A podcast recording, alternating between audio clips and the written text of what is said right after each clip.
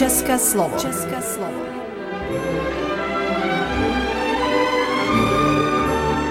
Vysílání pro českou menšinu v Srbsku. České slovo.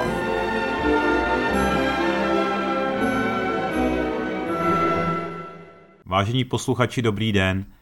I my jsme v tomto díle připravili ohlédnutí akce, které nás minulý rok potkali. Vážení posluchači, přejeme vám příjemný poslech.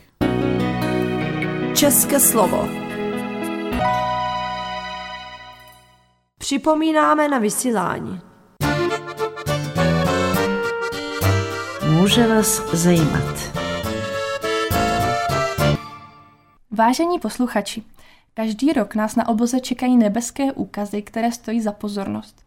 Pojďme si říci, na které vesmírné úkazy si v průběhu roku dát pozor.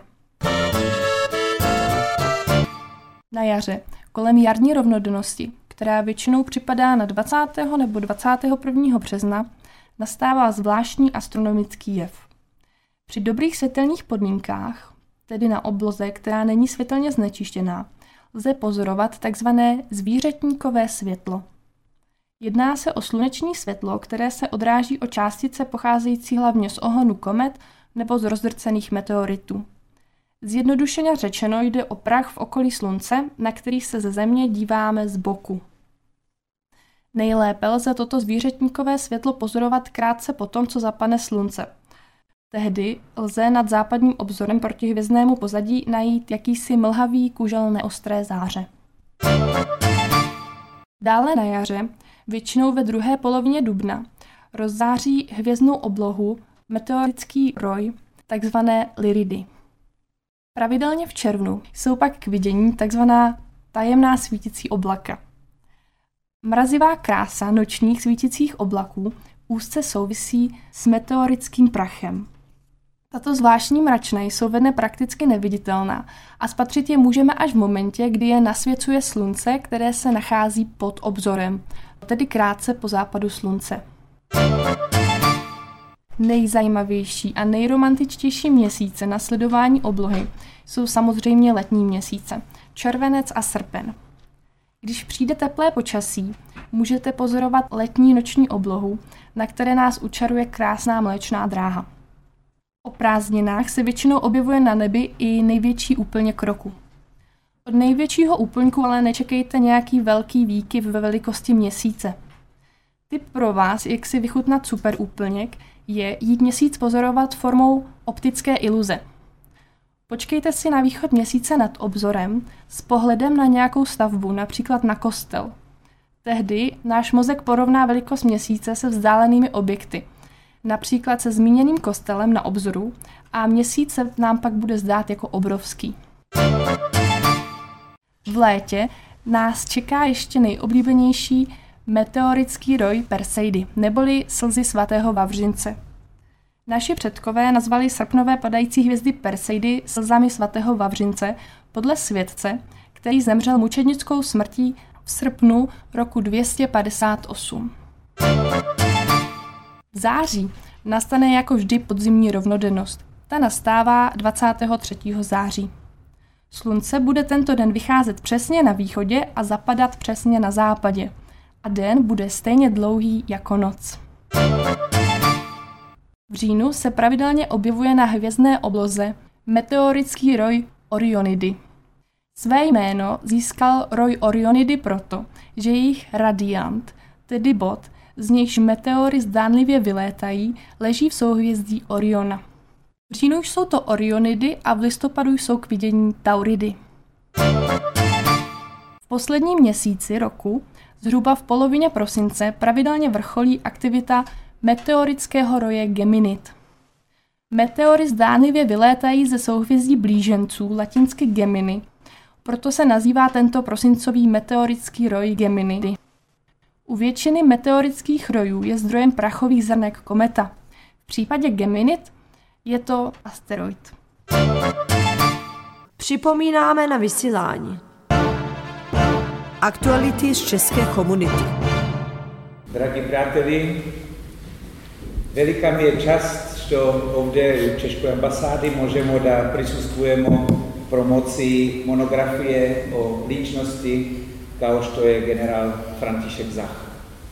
Ujedno sam veoma ponosan šta mogu da kažem da je jedna tako značajna ličnost za srpsku istoriju zapravo češkog porekla. Generala Zacha često volimo da navodimo kao primer dobrih odnosa i jakih veza između Čečke i Srbije kroz istoriju. Upravo ovakvim vezama vekovima unazad možemo da budemo zahvalni za današnju bliskost naša dva naroda. General Zach je ostavio najveći trag u razvoju srpske države i vojske u 19. veku. Ne bih sada detaljno o tome, kad nas već čeka iscrpno izlaganje autora monografije gospođe Ane Jelić i gospodina Nenada Karamijalkovića, ali svakako bih ovu priliku želeo da iskoristim, da uputim izraze velike zahvalnosti gospođi Ani i gospodinu Nenadu što su se bavili ovom temom. Činjenica je da usprkos velikom značaju generala Zaha o njemu malo zna, a Ana i Nenad e, su dali sve od sebe da ga izvuku iz e, zaborava i postave na mesto koje mu pripada. Svestan sam da je iza njih dug i naporan rad.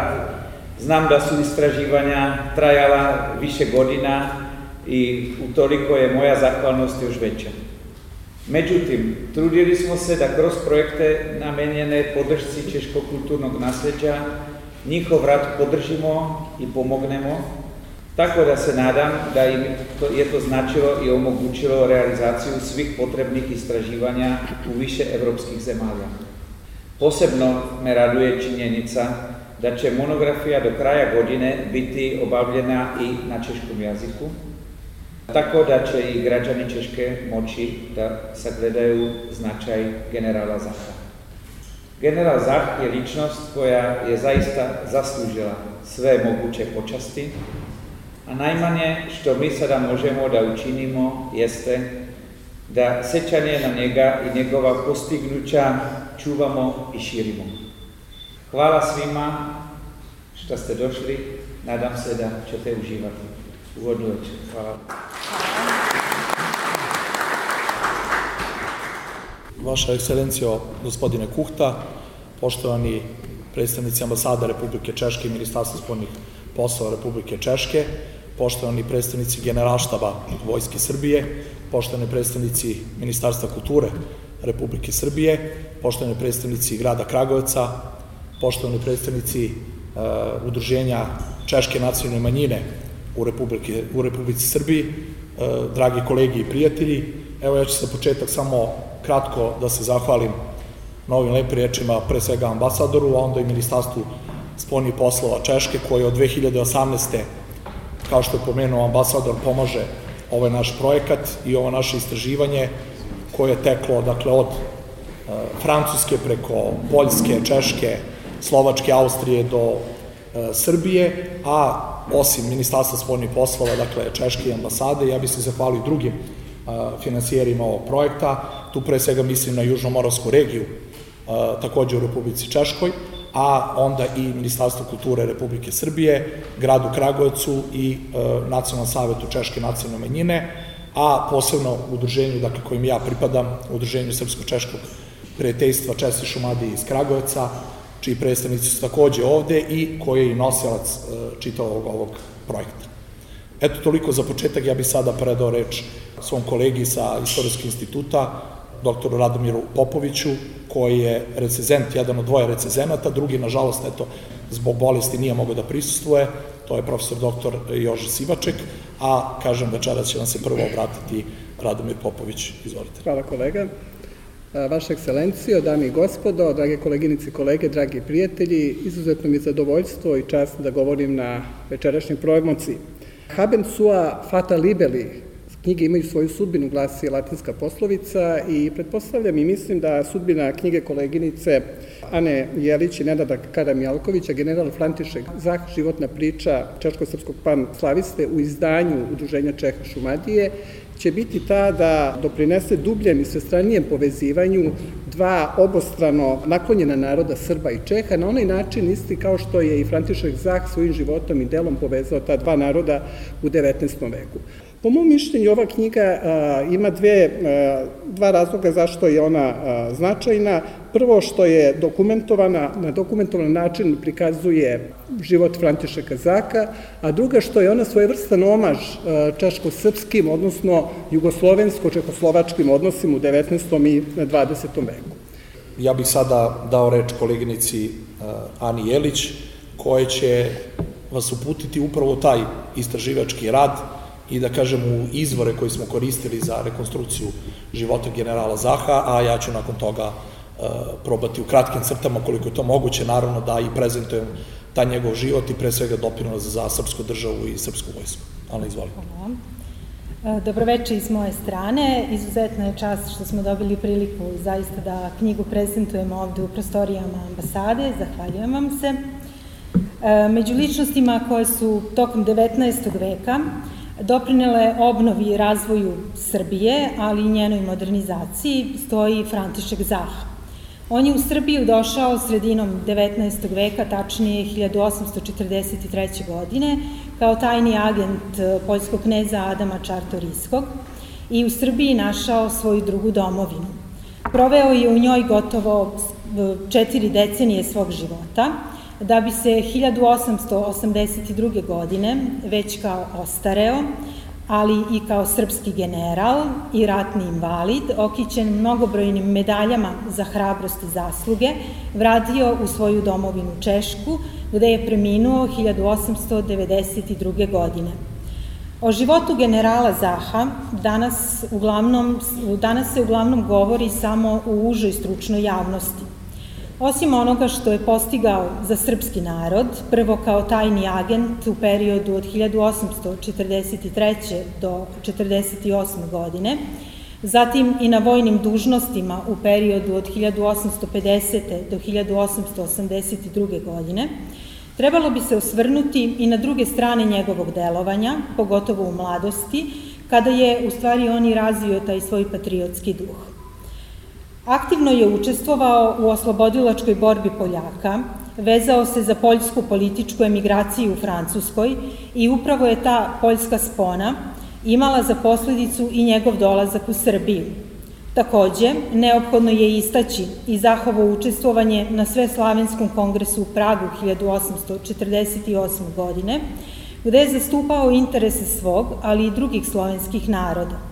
Takođe, trebalo bi istaći i njegovu pomoć Slovacima u periodu od 1848. do 49. godine, kada je kao komandant dobrovoljačkih trupa pretvodio borbu protiv mađarskih nacionalista.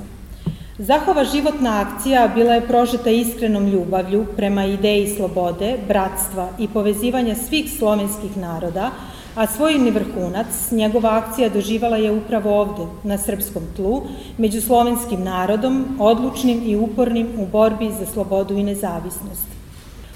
Evo, kao što reče koleginica Jelić, zaista je ogroman i širok spektar uh, zahovih aktivnosti i postignuća, da bi moglo da se ispriča u jednoj knjizi od 200-220 strana, još manje u prezentaciji same te knjige. Ja ću ipak večeras pokušati u kratkim crtama da predstavljen život i delo Františeka Zaha, koji je e, od Milošte, dakle od Srba, nazvan Franja, a kasnije i Čiča. Kako bi imali uvid o njegov značaj, mogu da kažem danas za sve Slovene, a posebno za Čehe i e, za Srbe. Posebno se osvrnuši na ono što je e, u početku dosta pažnje dao i kolega Popović, a to je za mene njegov najznačajniji doprinos srpskom narodu, to je naravno uz razvoj vojske izrada prvog pisanog srpskog državnog i nacionalnog programa. Zah je rođen 1. maja 1807. godine u Olomoucu, današnja, dakle, Češka republika, u Moravskoj, dakle, jedno je tada tri zemalja, takozvane Češke krune u okviru Austrijskog carstva, pored Moravske, to su bila Bohemija i tada Austrijska, kasnije Češka Šlezija. Rođen u jednoj krčnoj gostionici koja se zvala Kod tri cara, u kojoj je njegov otac Jan Irži bio vlasnik, odnosno gostioničar, a ubrzo kad imao pet ili šest godina preselili se u Brno, gde je otac držao takođe jednu drugu krčmu koja se zvala kod Crnog Orla. Nacionalno posmatrano, gledajući dakle, njegova svedočanstva, porodica Zah bila je prilično nacionalno, da kažem, ravnodušna, gotovo i ja nacionalna, a e, ironično tek tokom njegovog školovanja u Nemačkoj gimnaziji, dakle u Brno, a kasnije tokom studija prava u Beču, Zah se povezao sa dosta nacionalno osvešćenih e, Čeha, ali takođe i sa mnogim liberalno, da kažemo, orijentisanim necima, edukujući se tako u svojoj mladosti kako u tom nacionalnom češkom i opšte slovenskom duhu, tako i u demokratskom političkom duhu. Kasnije će tokom života u političkom smislu reči zastupati nešto konzervativnije stavove, ali će njegova ideja panslavizma, odnosno slovenske, slovenske povezivanja, uzajamnosti i reciprociteta, odnosno jednako odnosa, dakle, prema svim slovenskim grupacijama, biti njegova glavna zvezda vodilja i životni pokretač. Připomínáme na vysílání. Může vás zajímat. Vážení posluchači, dnes si něco povíme o významných českých vynálezech, kteří Češi dali světu. Významným vynálezcem byl chemik Otto Wichterle. Jeho největším vynálezem byly kontaktní čočky. V komunistickém režimu mu ovšem příliš v Československu nepřáli a v roce 1961 sestavil svůj první přístroj na výrobu čoček z dětské stavebnice Merkur, poháněné dynamem z jízdního kola. Na tomto stroji vytvořil asi pět tisíc prvních použitelných kontaktních čoček na světě. Ještě předtím, než Otto Wichterle vynalezl kontaktní čočky, tak vynalezl umělé vlákno, které nazval silon. Pojďme od kontaktních čoček ke kostce cukru. Když berete do ruky cukrovou kostku, asi vás nenapadne, že se jedná o český vynález. Ale je to tak. Původně se cukr na celém světě vyráběl v homolích, které vážily půl kilogramu a více. Hospodyně si je doma sekáčkem sekaly na menší kousky, jimiž se sladilo. Ke zlomu došlo v roce 1841.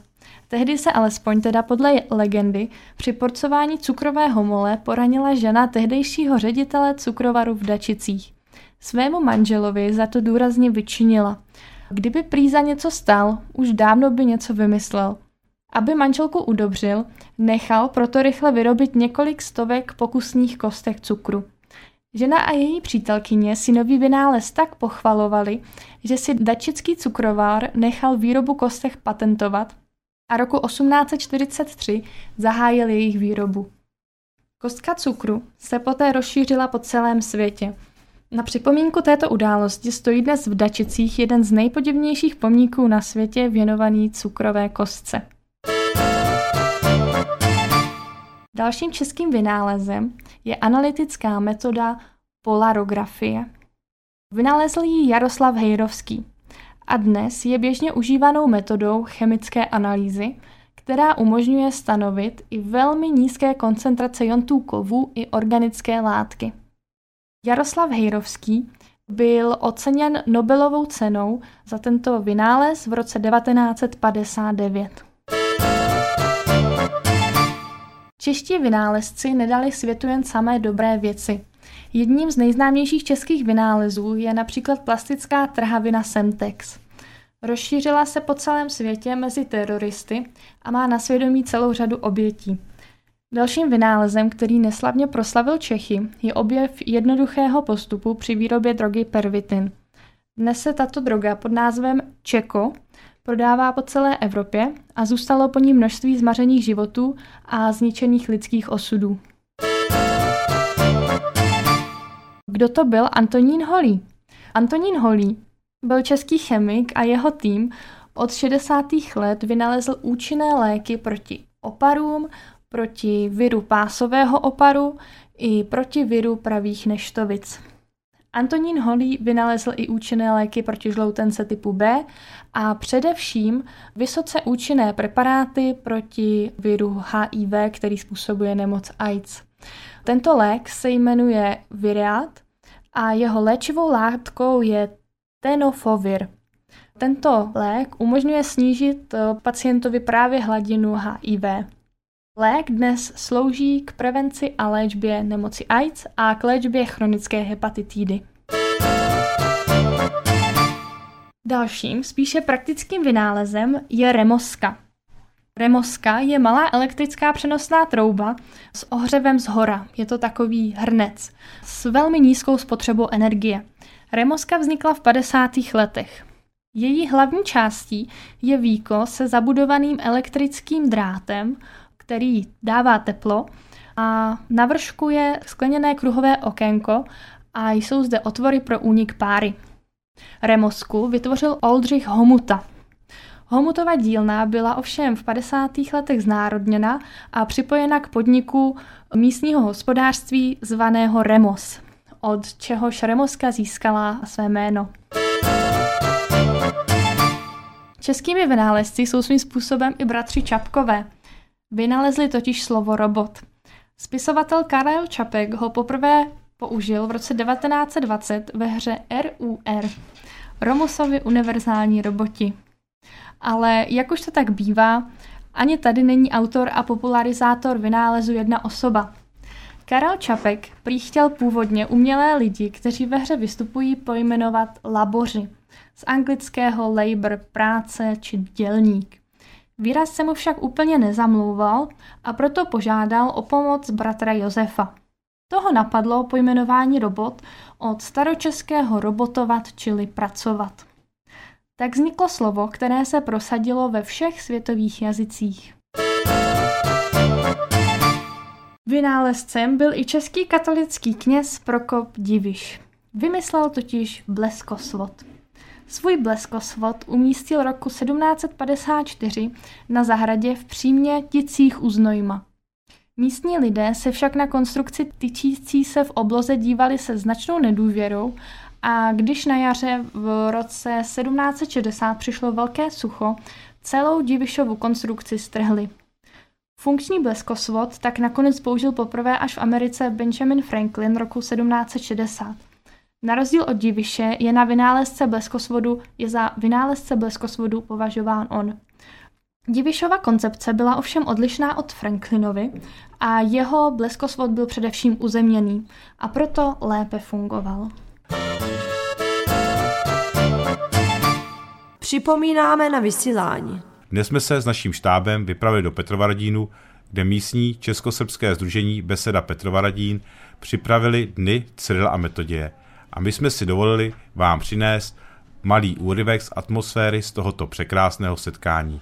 Dobro večer, dobrodošli na treću manifestaciju Dane Ćirila i Metodija u ime Srpsko-Češkog udruženja Beseda Petrova Radin i u svoje lično ime želim vam od srca i drago mi je što ste se odazvali našem pozivu i želite da uživate uh, sa nama i da vidite šta smo vam ove godine pripremili u manifestaciji.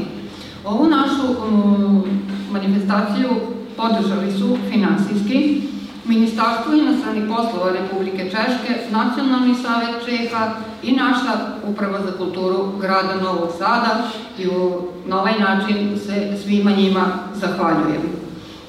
Dobrý večer. Jsem rád, že se dnešní akce mohu zúčastnit a že vlastně mohu být s vámi a stejně tak jsem rád, že tady máme i soubor z České republiky, kteří se bude dnes na dnešní akci prezentovat. A co se týče Petrova Raděnu, tak vždycky velmi rád sem jezdím, je to už vlastně moje několikátá návštěva a musím říct, že paní předsedkyně Růža Koláček odvádí vždy skvělou práci, takže jsme rádi, že, že dnešní akce se koná a doufáme, že bude úspěšná stejně tak jako ty akce, které se konaly předtím. A, a jsme zároveň rádi, že můžeme nějakým způsobem podpořit uh, takovéto akce českých krajů a že se konají. Já už vás nebudu více zdržovat, uh, přeju vám hezký zážitek a příjemný poslech a um, hezké zážitky, abyste si dnešní odpoledne a večer užili. Děkuji za pozornost. Hvala. Krátko da vam predstavim dečju folklornu grupu Staska. Ova grupa došla je iz malog grada Tepla koji se nalazi u blizini Marijanske lasnje i Karlovi Vari. U ovoj pograničnoj oblasti češki i nemački elementi su vekovima u interakciji, a ovi uticaji su vidljivi i u našoj mošnji. Dečja grupa hoće da vam na početak otpeva pesmu Hej Sloveni. Ova himna je posvećena svim Slovenima. Prva verzija teksta nastala je u 1834. godine pod nazivom Hej Slovaci. Pesmu je napisao slovački evangelistički sveštenik, pesnik i istoričar Samuel Tomaši tokom svoje posete Pragu 1834. godine. Bio je veoma ogorčen što se nemački jezik čuo na ulicama Praga mnogo više nego češki. Pesma je postala poznata zahvaljujući ideji panslavizma, posebno u slovenskim zemljama pod vlašću Austrije. Njena popularnost je dodatno porasla kada je usvojena kao zvanična himna Slovenskog Sokolskog saveza. Od 1977. godine bila je himna Jugoslavije. U narednom programu predstavimo i kraj iz kojeg smo potekli.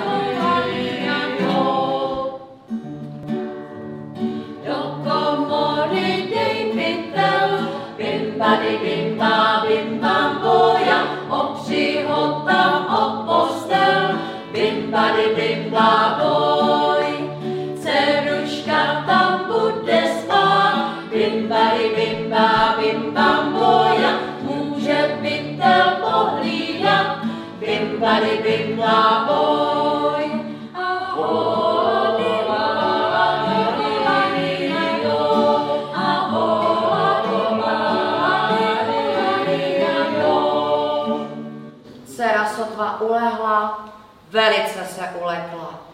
Na mlinářku zavolá. Pytel, ruce, nohy má. Ach, Ceruško, proč křičíš? Proč raději nemlčíš? Mohla pytel ovsamí, bim bady bim ba bim bam boja, a s ním se pak dobře mít, bim bady bim ba boj.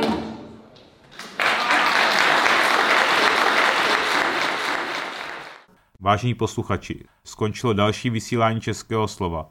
Věříme, že jste si oživili nějaké akce, které nás minulý rok potkaly. Děkujeme, že jste nás poslouchali a těšíme se za 14 dní ve stejný čas, ve stejnou dobu a na stejných vlnách naslyšenou. Text četl Stanislav Havel, redaktor pořadu Jaroslav Bodnar.